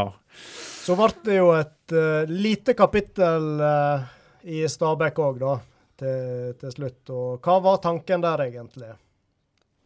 Hva tenker du på uh, avslutninga, eller at jeg gadd å reise dit? Ja, for så vidt begge deler. Du skulle, du skulle jo vestover, for å si det slik. Det var vel klart. Ja, Altså, det har vel ligget ganske klart i bakhodet, sånn sett. Uh, vi er nå herfra begge to, og det har nå vært eh, på en måte relativt sikkert. Når du har vært i Stockholm med Frank og skal hjemover, da er det vest. Da er det vest. Det er vest. Takk. Men var det andre klubber inne i bildet da? Det regner jeg med det var. Ja, det var det. Uh, men uh, da var det òg litt sånn her geografisk i, i ja, forhold til hva vi ønskte, Mm. og kanskje ha litt mer nettverk og sånn tilgjengelig rundt oss, da. Så dette ble begrensende seg eh, en del inn mot uh, ja, egentlig en fire-fem klubber, sånn sett. Uh, og så. Det er, det mange prosesser bakom forskjellige ting, men det, det ble dette der som ble aktuelt. Mest aktuelt. Men da ble det en og en, eh, godt en og en halv sesong i, i Stabæk, da. Du, du spilte jo deg inn på det laget òg. Mm. Så du fikk nå eh, Jeg vet ikke hvor mange kamper du fikk, men eh, du spilte vel mesteparten fra start? Ja, Øh, i år så har det på en måte vært ja, Det har både vært tilfeldigheter og ja, eh, sikkert at de ser at eh, det er godt nok, da. Men altså dette her med at vi skulle eh, flytte og slutte, slutte nå på høsten, det har- ble jo klart tidligere eh, i sesongen. Så dette trenere og dette her rundt var jo klar over det. Så i utgangspunktet så er det kanskje naturlig for en trener å tenke at ja, med, med tanke på at han ikke skal være her, så satser vi på nå. Når fikk de vite det? Nei, de fikk vel vite det relativt uh, tidlig utover i, um, i sesongen der. For dette her kom Dette her var jo en kjempemulighet for meg eh, med tanke på å kunne få flytte hjem igjen og få muligheten å ja, få, få den jobben som jeg har fått her nå, da. Så uh, jeg sa ifra ja, ja litt, før, uh, litt før der, og da fikk jeg beskjed med sportssjef med en gang at ja, du kan ikke få noe. Selvfølgelig sa han det. Selvsagt. Som alle andre sjefer har sagt i Mads Solheim sin karriere. Kan ikke, kan ikke reise nå. Nei. Nei, så, um, så sånn sett, så i år så han har jeg bare egentlig vært takknemlig for eh, alt jeg har fått vært med på, sånn sett. For det er ikke noe det er ikke noe som tilsier at jeg bør spille med tanke på videre utover på høsten og sånne ting. Men hvordan har det vært eh, i Stabæk? Det har jo vært spesielt på mange måter, ikke minst eh, med tanke på korona. Hvordan har det vært å spille fotball da? Det har vært testing i øst og vest, antakelig. Ja, Hvor det, har vel vært utfordrende som i alle andre Ja. bransjer og ja. eh, og vesen sånn sett, men uh, eh, Nei det har, det, Tomme tribuner og Ja, altså jeg er veldig glad for at eh, det ikke ble helt tomt, men at Ja. det var Hvor mange som var lov i fjor? 200, var det det? ja. Noe sånt. Altså, bare det utgjorde for, du det? forskjell. Ja. Ja, ja, ja, det var kjempeforskjell på kontra når du spilte treningskamper uten. For da fikk ikke noen komme. Og det, det var veldig stor forskjell. Mm. Det gjorde til at du følte at du spilte en kamp med noe som betyr noe. da. Mm. Så dette, det, det er jeg veldig glad for. Eh, for disse her eh, treningskampene vi hadde uten noe ting der, det var Stusslig. ja, det var seige greier. altså. Det er klart det er en viss overgang å gå fra 30 000 på tribunen i Stockholm til null på Nadderud. Da er du på en måte Ja, nei, det ble Det er sånn du må stille. store Det ble kontraster. stille. Ja. Må du nesten minne deg på alvoret i kampene, da? Når det, det, det er ikke tilskuere, så nesten du mister litt den eh, Nei, kanskje ikke Ja. alvoret, men ehm, eh, Og jeg eh, er nå relativt bra til å hva, hva skal jeg si, finne indre motivasjon og liker å konkurrere, sånn sett, men du får, du får noe ekstra av at det der er litt lyd og hva det blir, litt atmosfære. da. mm, Det, det, det hjelper på. Ja. Jeg vil jo tro det at uh, omtrent alle spillere i, som er på en måte profesjonelle, de, de klarer jo å håndtere sånne situasjoner og, og yte så godt en kan. Men det er vel noe udefinerbart med folk på tribuner kontra tomt på tribuner. Ja, er... Som kanskje er litt vanskelig å sette fingeren bak hva det er for noe, men du får nå noe ekstra. Ja, altså Ja, du gjør, du gjør det. Og at jeg kjente at uh, det var eh, Til dels når det ikke var noe folk, eller altså disse her eh, restriksjoner og alt mulig sånn, så var det ganske daft, disse her andre Du merker det på begge lag.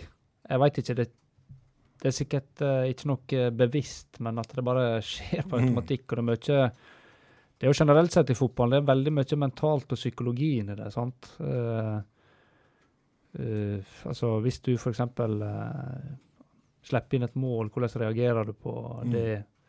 Altså for eksempel nå så har det vært en vi, Rett før jeg uh, slutta der nede, så vant vi jo tre-fire kamper på rad. Og da var det jo sånn at hvis du slapp inn et mål, så hadde du på en måte trua på at du kunne vinne igjen. Og så i perioder der sånn som Brann eller Stabæk eller Mm. sånn har vært nå, da. Hvis du da slipper inn første målet, så Er det game over? Ja, men altså, det, det er Selv om det ikke bør være sånn, så er det mye sånne ting som spiller inn, altså. Kan tenke deg sjøl når du var spilt som spiss, og så bomma du på en to-tre kamper, så var du jo helt ute av det, du. Jeg spilte spiss på Loen, så var jeg bare så glad for å spille på Loen at jeg ga blaffen i alt annet. Det var i himmelen òg, vet du. Du nevner jobben. Du er over i kaller det det vanlige sivile livet, Mats. Eh, Jobber i Sparebanken Sogn og Fjordane. Kan du si litt om hva jobb er det du har, og hvor du trives med det? Nei, jeg er jo kunde, kunderådgiver på privatmarkedet, da.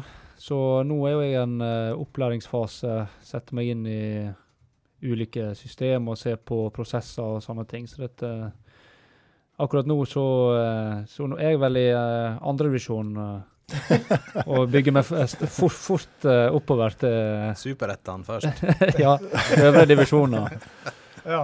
Men er det opplæringa, er det internt på huset her borte, eller er det ikke på kurs, eller? Det er vel eh, litt forskjellig sånn uh, framover hva en skal være med på. Det, Mm. Det er en del- Teams nå, Frank. Det er Teams, Teams. Ja. selvfølgelig. Teams. Det er Teams og Ja, noen er jo fysisk eh, tilstedeværelse andre plasser, så det meste er jo internt og sky skygge andre. Mm. Men eh, du, Mats, som har vært i bevegelse i hele ditt eh, liv. Det går bra bak skrivepulten enn så lenge? Ja, det går helt fint. Eh, jeg, så lenge jeg har eh, mye å, å eh, fikle med jeg, og jobbe med, Ja. så dette, at jeg er opptatt, så går det, går det helt li, fint. du har ikke en liten ball innunder så du trikser med? Ikke helt ennå, i alle fall. Men det er klart jeg har sånn der eh, stol som jeg kan rulle på, da, så Ja, det blir ja. vel eh, fram og tilbake i rommet. Ja, ja. Og får deg ei tredemølle, så du kan eh, jogge inn kundene. ja. Men det betyr du har tatt ei utdanning underveis i fotballkarrieren, da? Innen økonomi, sikkert. Og Ja, jeg har bachelor i økonomi og administrasjon, og så har jeg eh, Fra Høgskolen i Sogndal, det er vel. Det er det, Ja, det er kombinert. bunn- bunnsolid. Og så tok jeg et, jeg har et eh, hva heter det, grunnkurs i idrett, eller årsstudium, eller hva det heter for noe. ja. Så eh, lite grann eh, har tatt ved siden av den. Mm. Så regna jeg med da, når du eh, så snart det ble kjent at du skulle tilbake her, så eh, er det sikkert en viss Hesjedal som allerede har ringt deg og spurt litt. Ja, han er jo, han er jo eh, Trener for Stryn, for de som ikke kobler det. Hvem han er. har vel, Vi har vel snakka litt, ja. Men eh, det som jeg har sagt til han, er at eh, foreløpig nå så eh, har jeg egentlig hatt behov for å bare koble helt av, uh, iallfall dette her første halvåret i eh, alle slags form eh, på engasjement innenfor fotball. Ikke fordi jeg syns at det er Jeg syns jo fotball er fantastisk og uh, kommer sikkert til å engasjere meg i det igjen, men ja, nei, det er noe mye nytt å sette seg inn i, og så eh, Jeg har ikke hatt eh, helgefri eh, på 17 år, utenom i desember, så dette Nå nyter jeg litt av å kunne koble av i helgene. Mm. Og så skal du vel bygge deg et hus òg med tid og stund, er det ikke det slik? Ja, det holder vi på med, så Ja. dette, nå går det ut fra at dere blir med inn der eh, og Ja, hjelper ja. til etterpå. Ja, ja, det kan vi gjøre. Hva du vil vi skal gjøre i kveld? Nei, jeg vet ikke, nå er jeg ombestemt meg nå. Han Frank stiller med målerkost og kan alltid stå der og sparke litt småstein. Ja, nei, det går fint. Ja. Men eh, hvis vi skal nå eh, begynne å oppsummere litt der eh, Nå har vi nå prata sånn noenlunde gjennom denne karrieren her. Hva er høydepunktet? Var det i Hammarby, eller? Ja, det Altså, det, hele den perioden er jo et stort høydepunkt sånn sett, men så var det jo mange forskjellige høydepunkt gjennom karrieren, sånn sett. Eh, det, jeg kunne sikkert funnet fullt av ting, men uh, når vi rykte opp med Sogndal, f.eks., var nå ett kjempehøydepunkt. Jeg skårte første målet for Sogndal. Det ble henta inn, så var det jo veldig masse sånn skriveri. Det tok lang tid før jeg eh, på en måte skårte første. Det var veldig sånn Slipp, slipper det, i alle fall. Mm. Hvordan var det? Ja, det var, det husker det målet husker jeg, altså akkurat hele forløpet på målet. Så dette det tror jeg var liksom på en måte et av de viktigste sånn sett. For det var jo opp på en måte på det nivået som du hadde drømt om, og målsetning, og så Det du skrev på lappen? Ja, det jeg skrev på lappen. Mm. Nei, så er det nå eh, Men eh, hvordan var målet, da? Du ser det for deg, sier du. Ja, da det ble støtt en eh, Ja, nå skal du inn og sjekke, ja. For så vidt finner det. Jeg mener at det er corner eller frispark fra eh, Ja, hva det blir da? Det, ja, det er irrelevant. Ja, ja. Men eh, så springer jeg mot uh, første stolpe, fra, altså bakafra, så mot første stolpe, og så stusser jeg han i lengste. Ja. Så uh, Det var på, får vi se om det stemmer. var det på Fosshaugane? Ja, Det var det. Mot Skei. Men det, det er jo òg litt sånn eksempel på psykologien i fotball, der folk kanskje forventer at du skal skåre mål, og så har du det hengende på deg at, eh, at det første målet må komme snart. Og, og Ja. når det først kommer, så får du kanskje senke skuldrene litt og slippe å fokusere på det. Ja, det er klart at jeg kommer jo fra Stryn, sant, der eh, alt eh, Dere sentra jo til meg i uh, hytt og pine, så jeg hadde jo så masse sjanser at jeg Du må ikke se på meg, jeg satt på benken. Hedda ikke du ned til meg noen ganger, da? Nei, det kan hende. Ja, det, det husker jeg faktisk en gang vi spilte cupkamp mot, mot uh, Tornado på gamle kunstgressbane. den som er uh, biljardbord. Eh, og så spilte jeg og du eh, framme i lag, og da ble vi av, uh, av selveste Harald Vartdal uh, betegna som Tosjek og Keegan på topp for trinn. Så det, det er sånn, eh, som sagt, jeg har spilt fotball på lavt nivå i mange år, og, og sånne ting må jeg ta med meg, selvfølgelig. Ja, virkelig. Så det er det jeg har, har å slå i bordet med. Det er ikke dårlig, det. Nei, det er ikke dårlig, det. Men eh, ja, du har jo sagt det. Drømmen den skrev du ned eh, på videregående. Og når du ser det i retrospekt, eller hva det heter, eh, vil du si at du er fornøyd med hvordan det ble i forhold til guttedrømmene du hadde? Ja, det har nå på en måte vært så Han har på en måte vært over eh, det som er satt som mål, på en måte, og liksom eh, gått videre hele veien. Egentlig bygd seg opp sånn steg for steg. Han har jobba steinhardt uh, for å komme dit. Det skal jeg uh, Altså, det har ikke kommet av seg sjøl. Det har ikke vært noe sånn talent i form, form av teknikk og alle sånne ting. Så dette, det har nå Ja, Hva ligger i det når du sier du har jobba steinhardt? Kanskje det er noen tips for andre som ønsker å Nei, det er nå veldig masse indre motivasjon, og så møter du jo på ganske mye Du møter jo på ulike motganger, sant. Altså eh, Dette der når jeg kom inn til Sogndal, så satt jeg jo veldig masse på benken og fikk egentlig ikke så mye sjanser i starten. Og jeg var kanskje ikke god nok heller, det er ikke det, men uh, altså, du lærer deg hele veien. Tatt et korsbånd. Altså Du kommer til en ny liga og liksom får bare den rett i fleisen. og da husker jeg faktisk treneren min uh, sa til meg året etterpå at uh, han, han, han sa ikke et ord til meg hele sesongen. Så han ikke om jeg var skada. Men da sa han at han var veldig imponert over på en måte måten han har håndtert skaden og jobba med tilbake og vært positiv og sånne ting.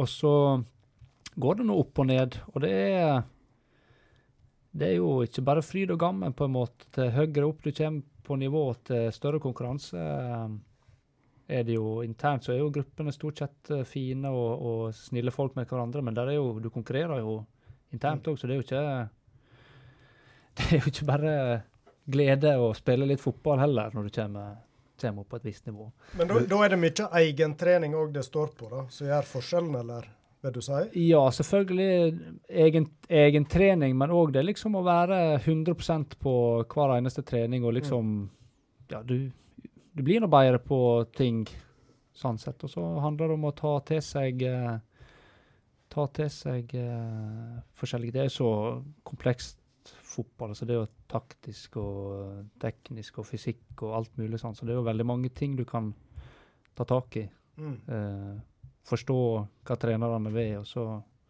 kan en i ettertid si at det er ikke alt som de sier som kanskje er rett. Men, men er det en, en ting òg du rett og slett bare må lære deg å ta til, selv om du syns det er riv ruskende gale, så må du bare Altså Det er nesten en egenskap, det òg å være flink å ta til seg eh, beskjedene og sette det ut i livet. Selv om du for så vidt er uenig. Ja, altså det, det er jo litt Altså det, ja, det er jo oppbygd med relativt med sånn hierarki til lenger opp du kommer. da, så Det er jo på en måte treneren som bestemmer, og til lenger opp du kommer, til mindre. altså vi kan ikke holde på sånn som jeg og han, eh, Pål og Kristian Holko når vi spilte tre mot tre her borte og sto og kjefta på alt og alle. og Da får du på en måte høre det og ja, liksom hvis det blir useriøst og dårlige holdninger og sånn, så er det fort gjort å bli slått ned på. Jeg hadde nå eh, nå en trener i Hammarby, han var noe så brutal at eh, det var noen av disse unge som begynte å grine av og til. Oi. Så det, det er ikke bare fryd og gammel. Altså, det er noe det er noe flere oppsider enn det er nedsider. Det er ikke det, jeg skal ikke sitte og si det, men altså det er Der er liksom eh, tøffe, tøffe ting å bli voksen på, på en måte òg. Mm. Så du må bare akseptere. Men du Mats har nå uansett hatt en tendens i alle klubber du har vært til, til å bli veldig populær og godt uh, likt, både blant uh, spillere, medspillere og blant uh, ja, publikum og fans. Så du må nå eh, du må nå ha en egen evne til å takle ja, både med- og motgang eh, på en god måte, da. Eh, Ja, altså Det er jo klart at Sånn som jeg sier, at f.eks. hvis du er oppi det og ikke får spille, eller du er ute av laget, eller så, så er det jo veldig fort gjort å bli forbanna og sur, og liksom og Både utad og internt, sant.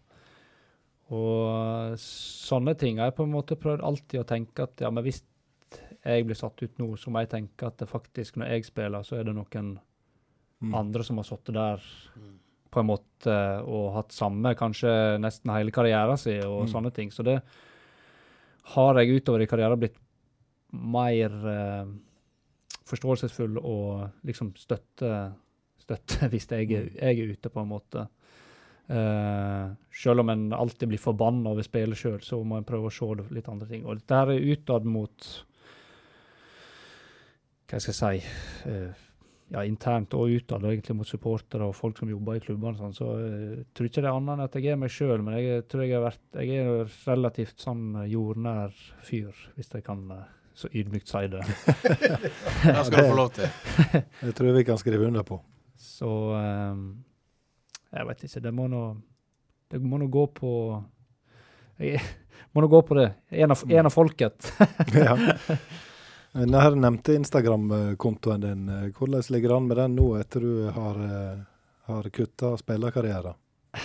Nei, jeg har vel ikke vært så veldig aktiv, eh, og det på det nå, da, så det, Litt sånn tørre bankhumor nå framover, da, eller? Ja, nei, jeg har fundert litt på om uh, Renta går ned. Kødda!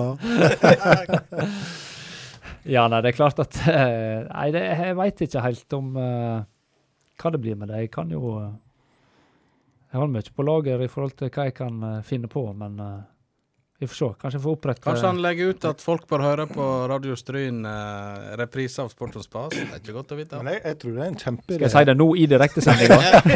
Nei, på Instagram. Jeg tror det er en kjempeidé med bankhumor. Ja. Det er, det er altså Alt har sitt eh, publikum.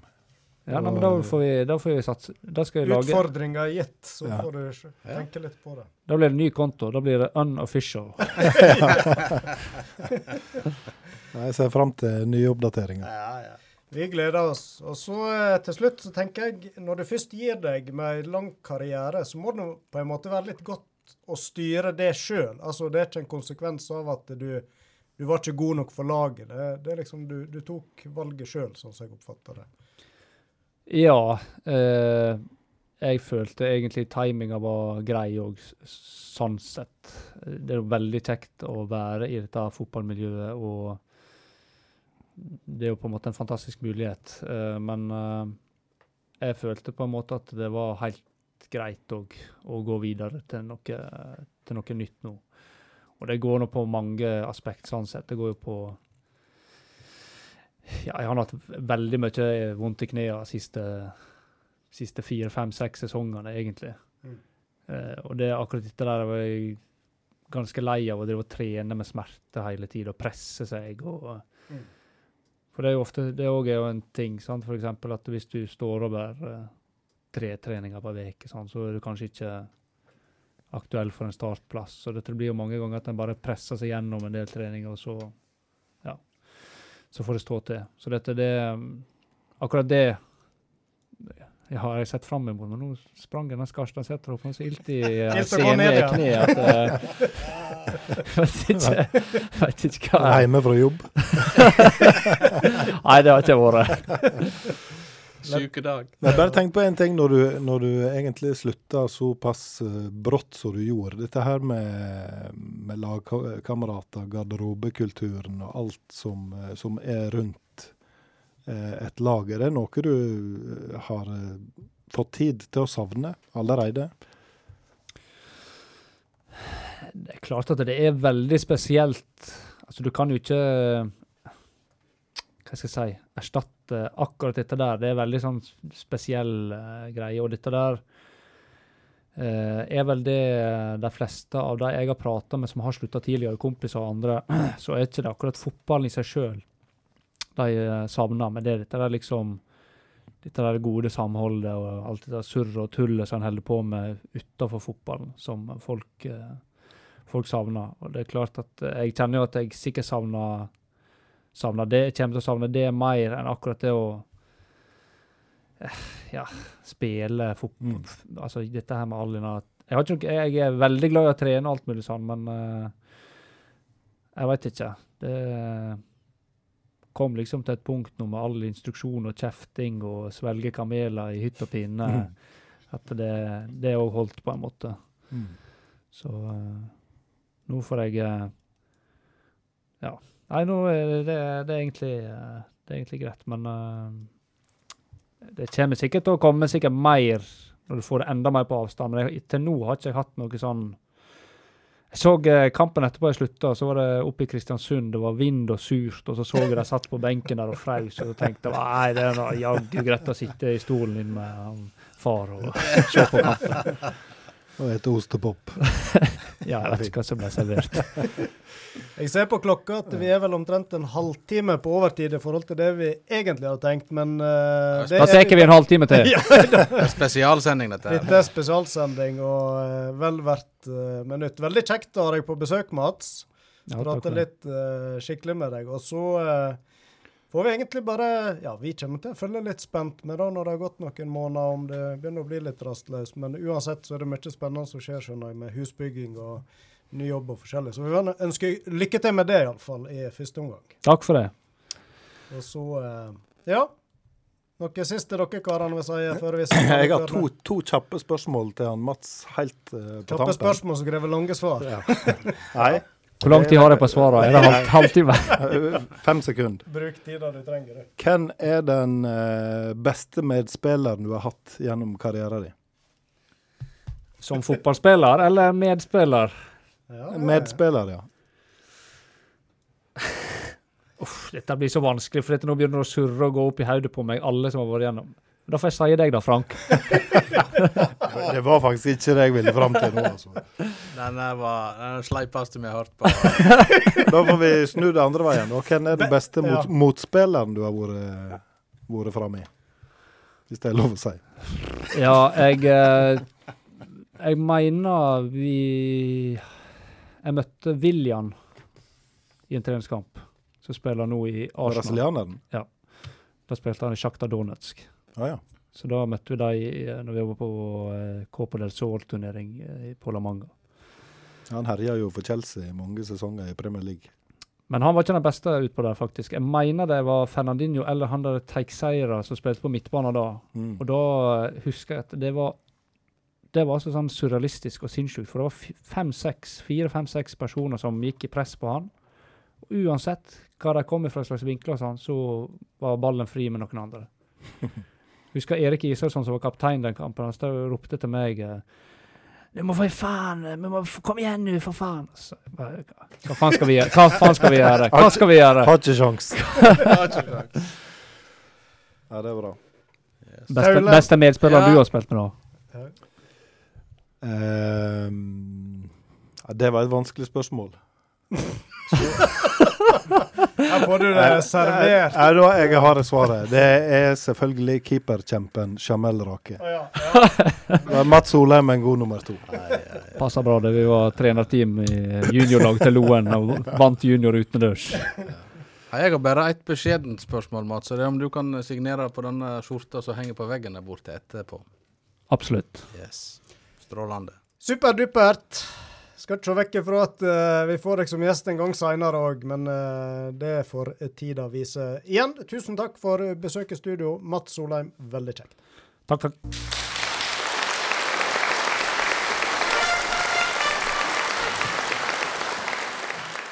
Ja, da er det konkurransetid, Taule. Nå sa vi eh, Ja, se her, nå rister han eh, i bodlen. Det er iallfall ikke lov å si. Nei, det er kanskje helt på grensa. Hvor, hvor mange lapper eh, er det oppi der? du, Det er jo rekord, er- det, er- dette. er rekord. Det er jo eh, 36 lapper oppi her. Ai, ai. Aldri vært mindre sjanse for å vinne for de som Det er baksida. Men det kan jo hende at eh, konkurransen uh, fenger, da, antakeligvis. Ja. Det Det var var et kult, kult bilde du hadde funnet fram. Ja, det var Roysen, men det er Roysen. Det er Svart-hvitt og eh, ja. God schwung over den. Mm. ja. Så vi skulle jo fram til en uh, Stryne-eksport som har spilt både i Hødd og Lillestrøm. Ja. Og han har vært gjest her òg. Det har han. I lag med sin bror, var det vel. Det var uh, Beines-møte i Sporton Spas. Yes. Så da er vi jo inne på hvem det var. Det var han eh, Gunnar Beines. Gunnar Beines. Og Mats han er her fortsatt, så han skal jo da få æren av å Han vil ikke gå, Jeg han, slipper ikke ut dette bygget. det, Nei, det er kode. så da må du gjøre litt jobb for deg. Så du får eh, rett og slett trekke vinner av Lillestrøm-drakt. Signert sådan. Tek tar lappen som ligger øverst i Dette er én lapp. eh? Dette er sikkert den, ja. Ja, du skal få lese. Du eh, leser om du, du Mats. kjenner doktorskrifta til Taule her. Her står det Gerd Irene Vik. Oh, Oi, det var ja, ja. Var det nytt navn, eller? Ny vinner. Dette, Vi har noen gjengangere. Altså. nå, eh, for å si det slik, nå ble vel han Emil Allesø litt sure, for han òg hadde svart. Så Kan hende han får den nå. kan hende han får den. Er det. mor Allesø? Det er det vel. Det er mor Allesø, Yes. og da er julegåva til han Emil i boks. yes. Allerede i september. Flott Lillestrøm-drakt. Med Braut-autograf. Feil braut, men det får nå så være. Der er slektsbånd. Det får være trøst ja. Ja. Kjempemessig. Har vi da vært gjennom det vi skal? Jeg kommer ikke på noe mer. Da Ikke jeg heller. Og nå er det straks eh, Liverpool-Milan, så nå må jeg gå. så er det. Så da må vi bare takke dagens gjester. Og eh, de var vel eh, to i tallet, så vidt jeg husker. Vi hadde med oss han Oskar Raftevold på telefon. Norgesmester volleyball. Tusen takk for hans sitt bidrag. Og ellers så har vi hatt glede av å ha en eh, trivelig kar med navn Mats Solheim ved vår side gjennom nesten hele sendinga. Tusen takk til deg, Mats. Takk skal du ha. Tar med meg Tristan hjem igjen. Gjør det. Og da eh, takker vi for oss. Roy Aron Brennkvikt Myklebust og VM i venstre side. Thomas Solheim. Ai, ai, ai. VM i høyre side. Frank Solheim. Og ikke minst lydtekniker, altmuligmann Ove André Årskog. Hei. Ha det bra. Hei. Nå.